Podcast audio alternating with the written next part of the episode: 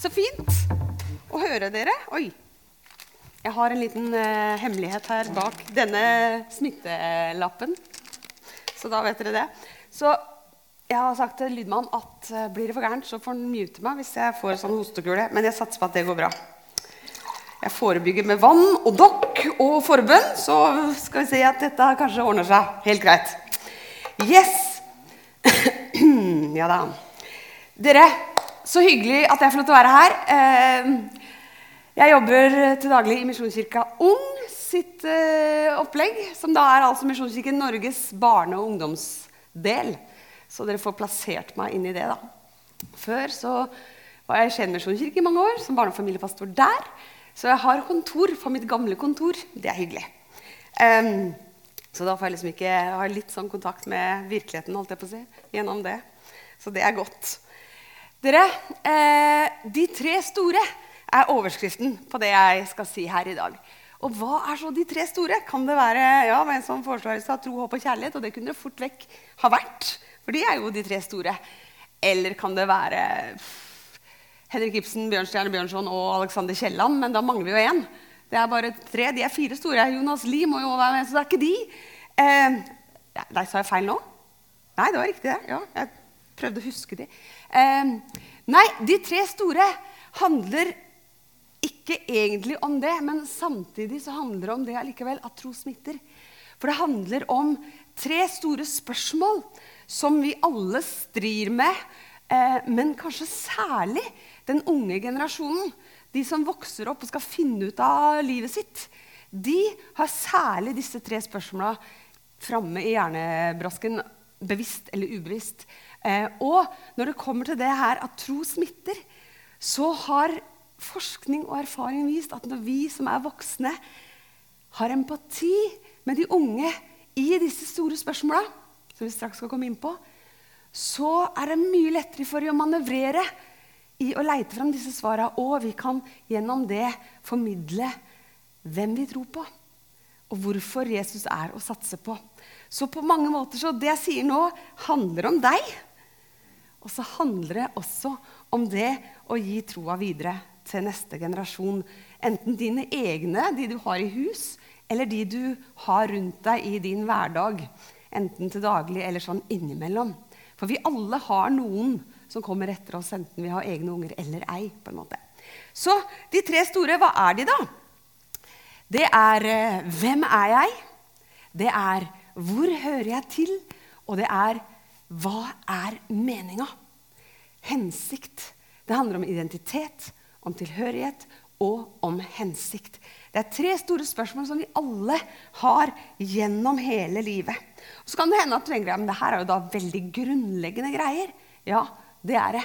Det kan, tenke, kan hende du tenker at jeg, jeg trenger vel ikke høre om det. Jeg vet jo godt svaret på disse. liksom. Jeg er tross alt x antall år. Men vet du hva? selv om det er grunnleggende, så tror jeg det er viktig å minne hverandre på det noen ganger. Eh, og så tenker jeg at Jesus sjøl var i behov av å bli bekrefta på sin identitet i sitt liv. Og tenker jeg, Trengte han det, så trenger, trenger jeg det også. Og Det er noe med det å liksom bare av og til finjustere litt. da. Um, ja. Og her i, Porsk, her i Porsgrunn så er dere så bevisste det å gi troa videre til neste generasjon. Og jeg, altså jeg jobber som levende trokonsulent. Jeg digger jo å se den der, eh, hva heter det for noe, roll-upen som Eirik og co. har fått opp her i huset. Eh, fordi at det er viktig med en bevisstgjøring om å gi troa videre til neste generasjon. Og da er sånne flyers, nei ikke flyers, men roll-ups med på å bevisstgjøre oss det her. Og selv om du da tenker at ja, det her er jo da grunnleggende og en ABC osv., tenker jeg at nei, vi trenger å bli minnet på det her. Eh, så jeg, der du er i ditt liv, ta tett av det som er rett for deg da, i ditt liv. For vi er på forskjellige steder. Men jeg tror at uansett da, så trenger vi å bli minnet på hvor det hele starter. For det starter jo i identiteten vår. Hvem er jeg, da? Hvem er jeg? Hvem eller hva lar du definere hvem du er? Hvem er det du lar fortelle deg sannheten om deg sjøl? Før i gamle dager så var det sånn at eh, var man sønnen av skomakeren, ja, så blei man skomaker. Og så var liksom den veien ganske grei. Du visste hvor du skulle bo, visste hva du skulle jobbe med. Det var kanskje bestemt hvem du skulle gifte deg med på forhånd osv. Nå er det veldig mye mer frihet, og takk og lov for det. Mange gode ting. Det mest gode ting med det. Um, men det betyr jo òg, når vi har så mange valg, at det er ganske vanskelig å velge noen ganger.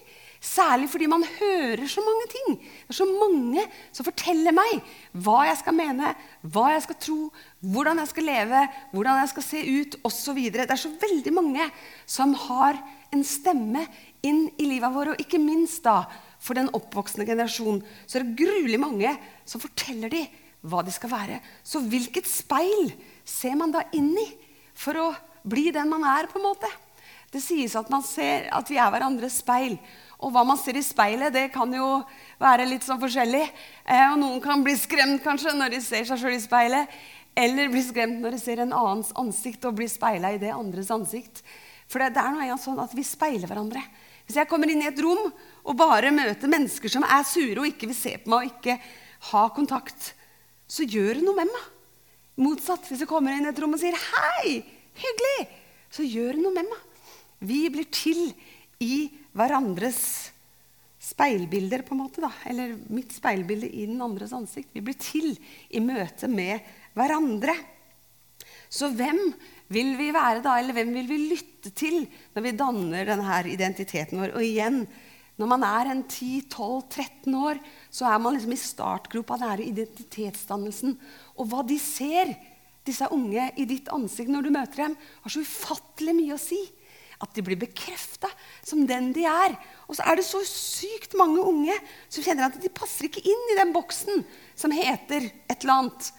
Eh, og da tenker jeg da er det ikke de som er feil. Men det er boksen som er for trang. Vi må utvide, Boksen skal ikke være der engang. Vi må utvide rommet som disse vi alle skal være i. For når man føler at ah, jeg er jo helt feil, så er ikke vi feil. Du er ikke feil. Det er boksen som er feil. Det er ikke vi. For vi er skapt. Vi er skapt helt unikt og verdifulle akkurat som den vi er. Og så er problemet da, når vi ser hverandre i, eller når vi ser oss selv i hverandre, så er problemet det at eh, mange av oss er ganske skakkjørte. Mange av oss har en del sår og skrammer i løpet av livet. Så får vi det, som gjør at vi blir på en måte sånne knuste speil. Da. Så når vi speiler den andre, når den unge speiles i meg, så speiles han i et knust speil. Vi speiles alle i knuste speil. Så når jeg ser i den andre et eller annet om meg, da, så er ikke det sannheten nødvendigvis jeg ser. For vi er alle sånne på en måte ødelagte speil da, i større eller mindre grad. Og når man da er ung, særlig, og skal bli den man skal være. på en måte. Man er jo man er, er hele tiden, men allikevel, vi skal danne identiteten vår. Og det er bare dryssevis av sånne knuste speil de ser seg selv i. Ja, så blir det, kan det fort vekk, i hvert fall. Bli ganske sånn skeivt og rart. Skakkjørt. Ødelagt. Så vokser man opp i en identitet som sier ah, 'Jeg er ikke så bra, jeg. Jeg har vel egentlig ikke noen plass her, jeg. Det er ingen som vil kjenner meg, eller Men midt blant alle disse knuste speila så fins det ett helt speil. En sunn stemme som kommer fra Han som har skapt oss. Han som kjenner det dypeste i oss, og som vil hele, hele disse speila. Da. Han som ser oss inn i øynene, dypt inn i øynene. Og så sier han, 'Du, hei, jeg ser deg.' 'Jeg ser deg. Jeg ser deg. Jeg elsker deg', sier Han som har skapt deg. Og uansett da knust og rar og ødelagt og oppslitt eller utslitt og oppbrukt eller hva enn ord du har på et eller annet i ditt indre, så ser Gud, skaperen, deg og sier, 'Vet du hva du er?' Den du skal være. Og du er elska høyt av meg, sier Gud. Og du lytter lytte til den stemmen, da. Og la vår identitet ha sitt ankerfeste her. Og ikke i alle mulige andre, men der, hos Gud, som har skapt deg. Når vi har det ankerfestet der, så står vi så mye stødigere i møte med denne verden som har så mange stemmer. Så kan vi kanskje høre mye rart fortsatt, men da vet vi hvem vi er. Vi kan være trygge på at vi er skapt som den vi er ment å være. Uansett hva vi opplever, og uansett hva andre sier og gjør med oss eller mot oss, skal vi kjenne min skaper, han har skapt meg som den jeg er ment å være. Og det er sannheten om hver og en av oss. Jeg har ei venninne, og når hun skal gjøre noe hun syns er litt skummelt, så retter hun opp ryggen, så tar hun på sitt sånn indre diadem. Så setter hun det her, så sier jeg 'Jeg er dronning'. sier hun. Så går hun inn i hva det enn er, da. For hun vet at hun er kongsdatter. Det er vi alle. Kongsdøtre, kongssønner. Fordi vi er barn av kongen. Og vet du hva? Det gjelder ikke bare oss som bekjenner Jesus. Det gjelder alle i hele denne vide verden. Så når du møter mennesker der ute, så møter du kongsdøtre og kongssønner. De bare vet ikke det nå. Og Det er der denne tro som smitte kommer inn. Vi kan være med å formidle det. Hallo! Du er en kongsdatter. Du er en kongssønn. Og når man vet det, så vil det gjøre noe med valga man tar. Når man kjenner sin dypeste verdi, så gjør det noe med hvordan jeg velger å leve. Hvordan jeg velger å behandle meg sjøl. Hvordan jeg velger å behandle den andre. Fordi vi er kongsdøtre. Kongssønner. Og vet du Du er en gave til deg selv. Har du tenkt på det noen gang? Kjenn litt etter på den. Du er en gave til deg selv. Akkurat sånn som du har skapt. Gud har gitt deg den gaven som er deg. Så kan du jo velge å ta den imot med glede eller ei. Men jeg tenker at ah, jeg kan si takk, Gud, for at du har gitt meg til meg. Det gjør noe med hvordan vi ser på oss selv, tror jeg. For Gud, han elsker deg så ufattelig høyt. Før et menneske så deg, før du så dagens lys, så var du elska fordi Guds øyne så deg da du var et foster. Så unike, så spesielle, så elska jeg hver eneste en. Og selv om vi mennesker kan glemme hverandre, så vil Gud aldri noensinne i all evighet glemme deg. Selv, altså Vi som er mødre blant oss, vi vet hva det vil si å ha et dine barn. Hvis ikke den ungen får uh, mat i tide, så gjør det vondt.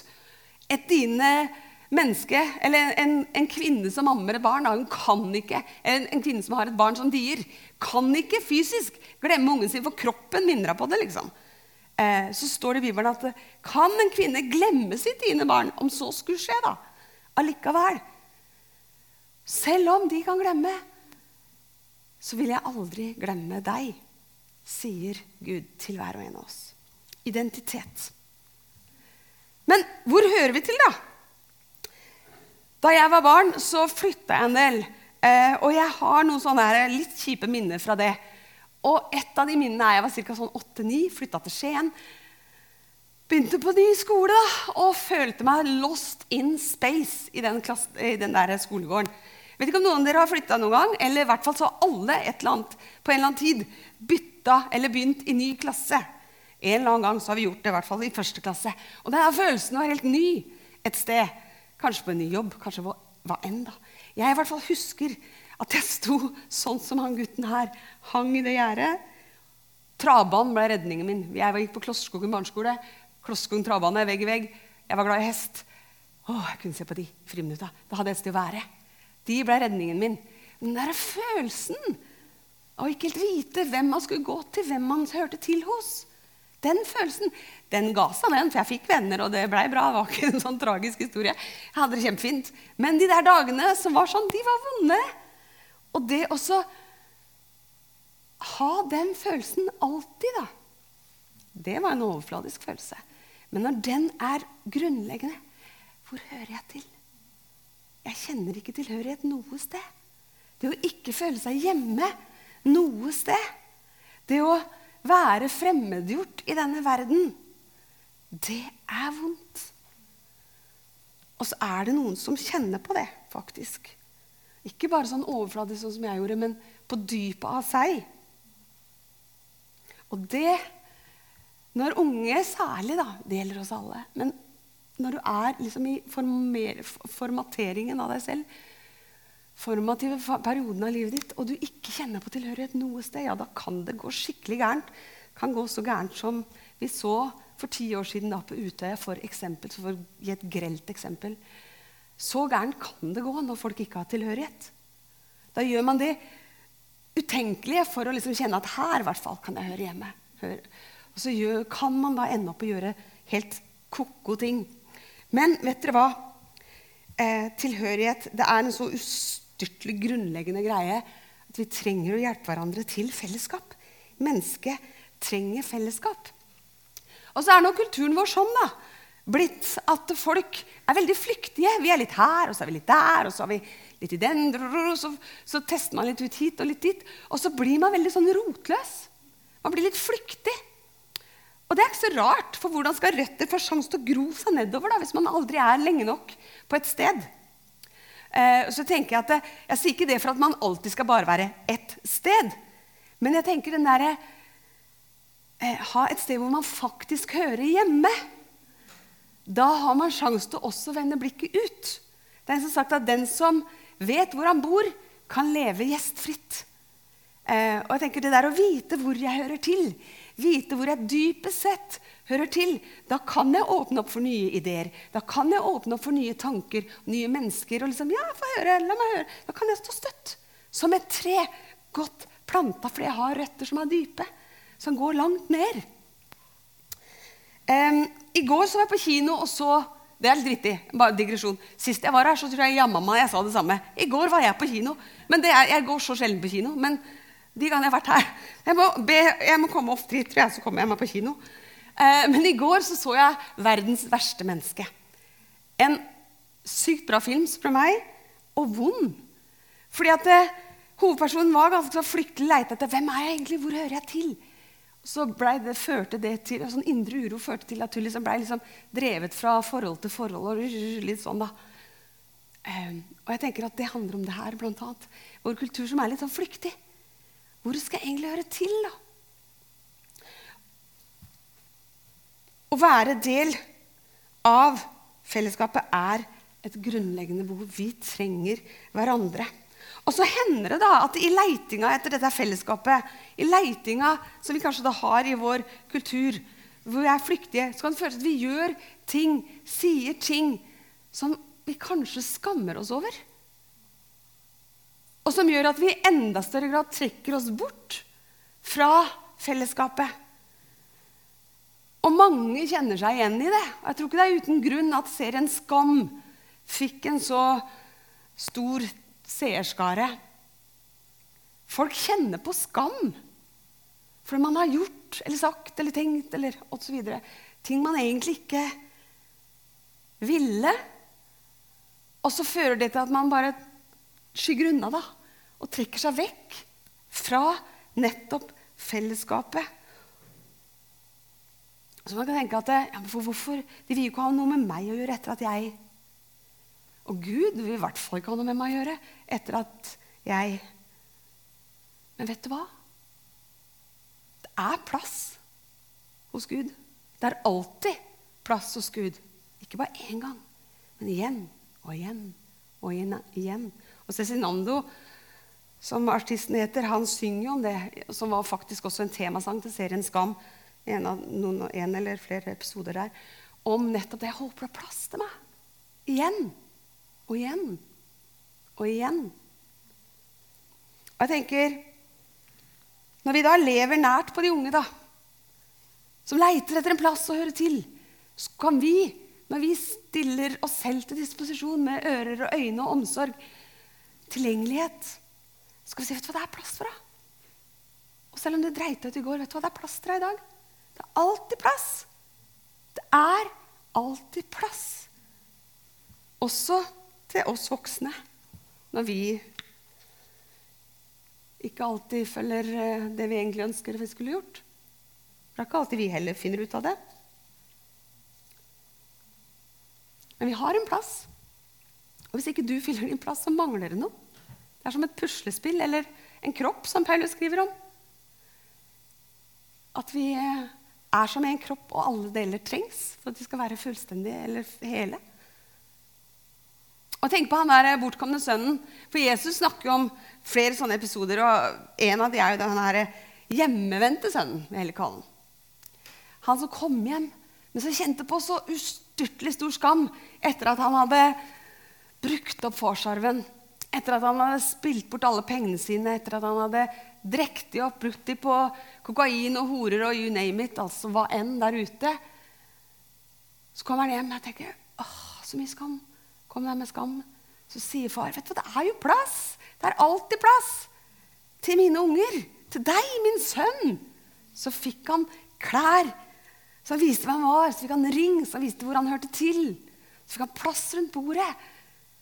For selvfølgelig var det plass. Jeg ser på meg at Der har det stått en ledig stol i alle de åra han har vært ute på, på rømmen. Det er plass. Tilhørighet. Det tredje spørsmålet går på hensikt. For hva er egentlig meninga, da? Det å ha mening i livet sitt. Altså uten mening. Apropos den filmen igjen i går, da. Noe av greia der var jo der 'Jeg vil jo mer', sa hun stadig. 'Jeg vil jo mer'. Enn bare dette, liksom. Mening. Det er en som uh, heter uh, Douglas Adams, som skrev en Hitchhiker's Guide to the Galaxy i 1979, faktisk. Så skrev jeg at meninga med livet, det var 42. 42! Det er fint. Meninga med livet er 42. Nei, det er jo ikke det. Han skrev det på spøk, men han, jeg så et eller annet greier skrevet rundt det, og da sa han at det, Hallo, jeg, jeg satt bare sånn og tenkte Hvilket tall er fint? Jo, 42. Sånn, selvfølgelig. Og så har jo noen tatt det på alvor og lever etter at meninga med livet er 42. Det er litt morsomt, syns jeg. Men eh, meninga er jo mer enn det. Men det å bety noe for andre, da, det tror jeg er med å gjøre verden mer meningsfullt for hver og en av oss. Det kan være lett å tenke at lykken den finner jeg at jeg bare, hvis jeg bare får det jeg vil ha iPhone 13, da.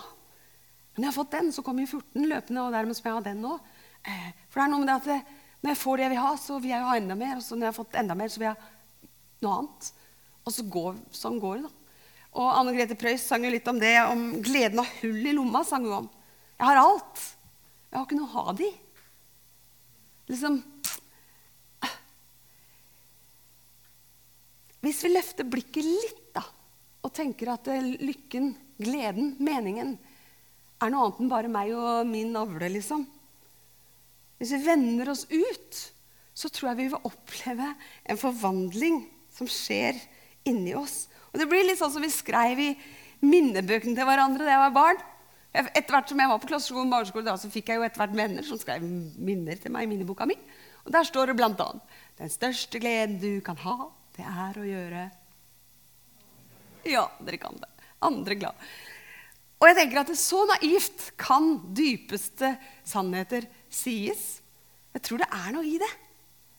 Um, Augustin, kirkefaderen, en av de som levde for uh, mange mange hundre år siden, han eh, var en som tenkte mye på Gud og skrev en del ned. Og så sa han at synd, som dypest sett da er det å vende seg bort fra Gud og dermed ødelegger relasjonen til han og til hverandre. Han beskrev synd som å være innkrøkt i seg selv. Med andre ord bare helt sånn liksom, innkrøkt i seg selv. Og det jeg tenker på, eller ser for meg når jeg tenker på de ordene der, så ser jeg for meg han her. Gollum i 'Ringenes herre' som Han er helt sånn der, innover i seg selv. Og den ringen, det er jo ringen som gjør han sånn.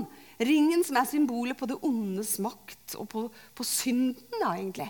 Jo mer han tviholder på den, jo, ah, jo mer innkrøkt i seg selv blir han. Og Det er først når han liksom klarer å gi slipp på den, at han kan etter hvert da reise seg opp og, og være fri. Det sies at eh, de to viktigste dagene i livet vårt er én den dagen du ble født, og to den dagen du skjønner hvorfor du ble født. Mening. Det var en jødisk psykolog som heter Viktor Frankel. Han eh, var i konsentrasjonsleir under krigen. Og han eh, overlevde og kom ut, skrev en bok, sikkert flere. Men en av bøkene han da skrev etterpå, var 'Livet er mening'. Og han hadde jo sett det dypeste dypet av menneskeheten. på en måte. Og i boka si så hevder han at mange i det som han skrev som 'vår moderne tid', og det her var da 1940-tallet, så vår moderne tid nå òg, vil jeg påstå. I, i, han sier at i vår moderne tid lider mange under en såkalt eksistensiell frustrasjon. Altså hvorfor er jeg her? Og han sier at eh, kjedsomhet skaper flere problemer i dag enn nød. Kjedsomhet Jeg vet ikke, jeg. Jeg ser mange, altså meg selv inkludert, og hvor mye vi er på Altså Jeg tok meg sjøl her om dagen så sa jeg til Øystein, mannen min Jeg er drittlei unnskyld uttrykket, jeg er drittlei Instagram. Jeg er så lei de greiene der. Scroller videre, da. Hva sier i dag? Eh, jeg har begrensa til Instagram og, og, Facebook. da, Og en intern gruppe av snapchattere som eh, familie og nære venner. Så vi holder kontakten der. Men når jeg ser ungdommen, så er det jo enda mer. Dere, sikkert, dere vet åssen det er. TikTok og dør, dør, dør. Jeg skal sjekke litt her igjen. Kjedebørste døde jo! Det ble så kjedelig. Jeg sier ikke at vi ikke skal være på de stedene der, for det er viktige steder. Viktig som bare det, For det er sosialt, og det er, det er liksom en del av verden. sånn det har blitt. Men hvor mye da skal vi være der? Hvor mye skal vi liksom fråtse i oss selv og hverandres eh, dager? Mening gir livet men, altså, mening gir oss, gis oss når vi løfter blikket litt. Og igjen så peker Jesus på en løsning. For han vet jo at vi trenger mening. Han vet åssen vi er skapt.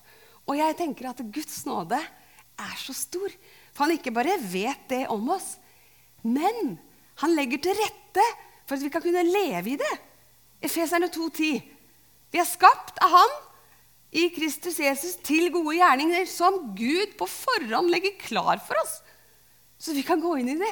Han vet jeg trenger mening. Og så liksom, tilrettelegger han så at jeg kan gå inn i disse ferdiglagte gjerningene og oppleve mening. Det syns jeg er nåde. Um, og han tvinger oss ikke inn i de gode gjerningene eller tinga da, som han legger til rette for oss. Men han tilbyr oss det. Så kan jeg velge da, hva jeg gjør med det. Men om jeg velger det, så tror jeg, og har erfart de gangene jeg klarer å velge det, og åpne øya for å se det, så har jeg erfart at det gir meg jo så stor glede å få koble meg på det han gjør. Og koble meg på de gode tingene som skjer. For Gud vet du hva? Han er i ferd med så mange gode ting her i verden.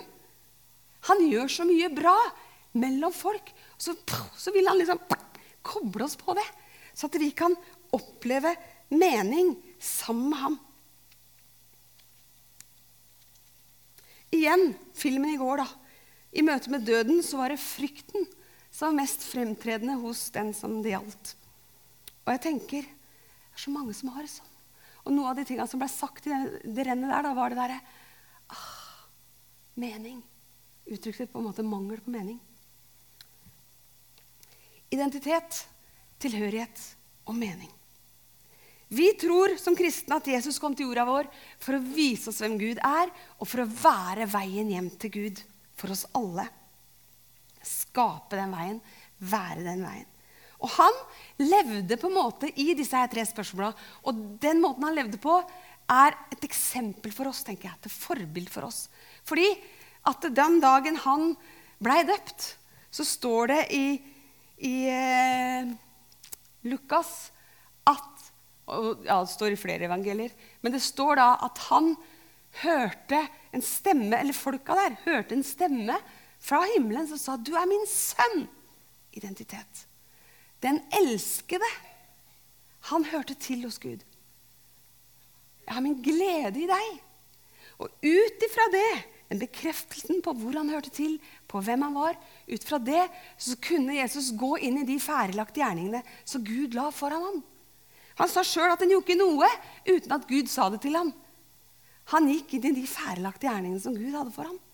Sånn kan du og jeg òg leve. Han, når han sto støtt i det han var, i hvor han hørte til, så kunne han møte alt mulig. Han kunne møte prestene og de fariseerne som han kalte for hyklere. Han kunne møte kjeltringer og rikfolk og fattigfolk og horer og kjeltringer og toller og gode folk og slemme folk. Han kunne møte alle støtt som seg, for han visste hvem han var. Han visste hvor han hørte til. Så gikk han inn i de dørene Gud åpna for ham. Så levde han et liv som ikke bare var bra fordi han var en god mann, men som ga oss frelse fordi han også var Gud. Og så kan vi leve med ham og lære ham hvordan vi skal leve. Helt til slutt nå Jeg vet ikke hvor lenge jeg har holdt på. jeg. Men jeg skal se en film. En musikkvideo, egentlig. Eh, og da ber jeg deg om å, eller jeg utfordrer i hvert fall, inviterer deg til å lytte til teksten. Jeg skal si litt bitte etterpå, ikke mye. Men lytt til teksten og vit at det som sies der, det gjelder deg. Og så gjelder det de du møter. Kan vi høre på det?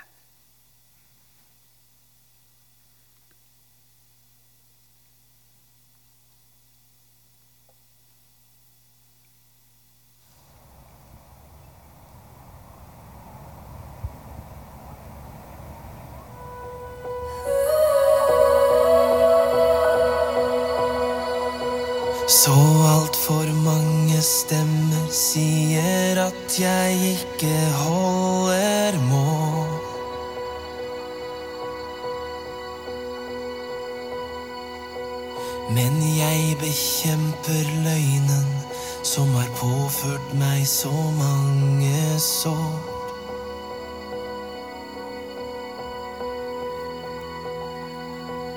For jeg er mer enn summen av hvert høye fjell, hver dype dal.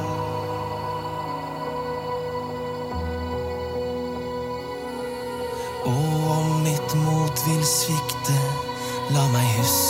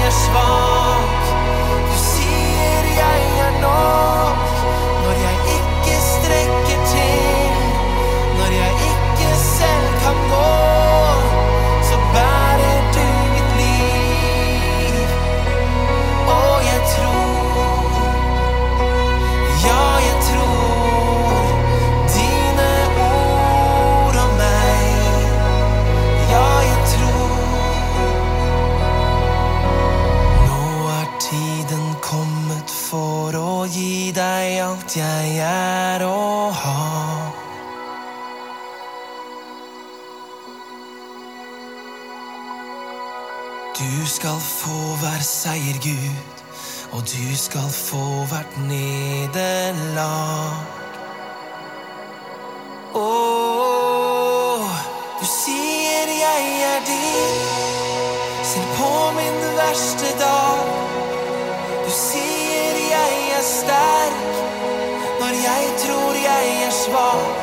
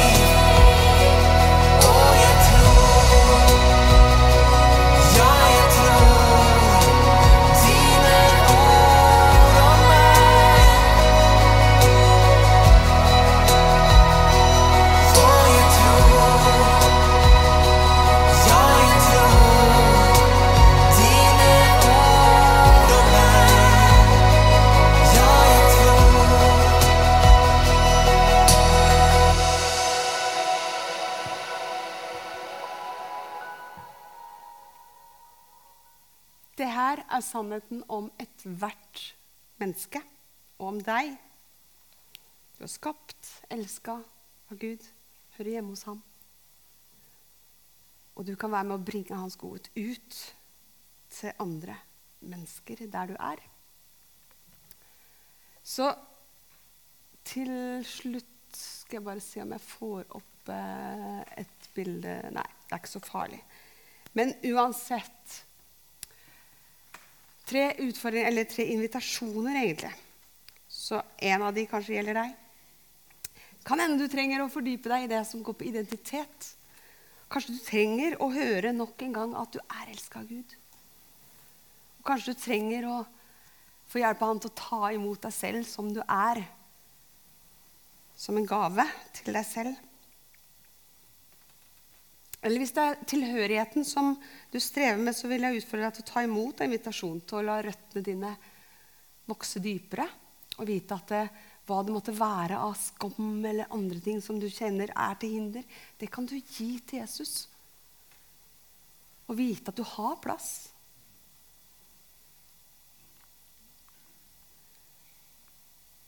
Eller hvis det er det her med mening som er din greie, og hensikt, så vil jeg utfordre til å be Jesus om å åpne øynene dine, så du ser fra dag til dag de her eh, ferdiglagte gjerningene som han har for akkurat deg.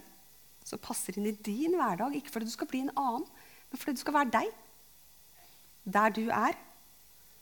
Og ta imot den invitasjonen han har til å være med på å bringe hans godhet da, inn til andre. Kanskje en del av det også handler om å være tilgjengelig for de unge som kommer etter. Og være med på å peke på hvem Jesus er, og smitte troa. Kan vi be. Gode Gud. Altså, din nåde er så stor, den. Og jeg sier takk for den. Takk at du ser på oss med så milde, kjærlighetsfulle øyne at ikke vi kan fatte det engang. Og så sier du at du elsker oss, og så sier du at vi har plass. Og så sier du at du vil være med å gi oss mening. Jeg takker deg for det. Jeg takker deg, Jesus, for det du viste oss gjennom ditt liv her på jorda, Herre. Um, la oss leve nær til deg og lære av deg og, og ligne deg og, og, og, på en måte bare bli prega av deg, da. så vi kan ligne deg mer, Herre. Jeg ber for de som er her nå, at vi alle skal kjenne hvor skoen trykker. på en måte da. At du, Helligånd, viser oss hva, hva, vårt neste steg er, hver og en av oss. Så vi kan gå videre i vår vandring med deg og, og vokse som disipler av deg og som mennesker som står støtt som den vi er. Ber om det i ditt gode navn, Jesus. Amen.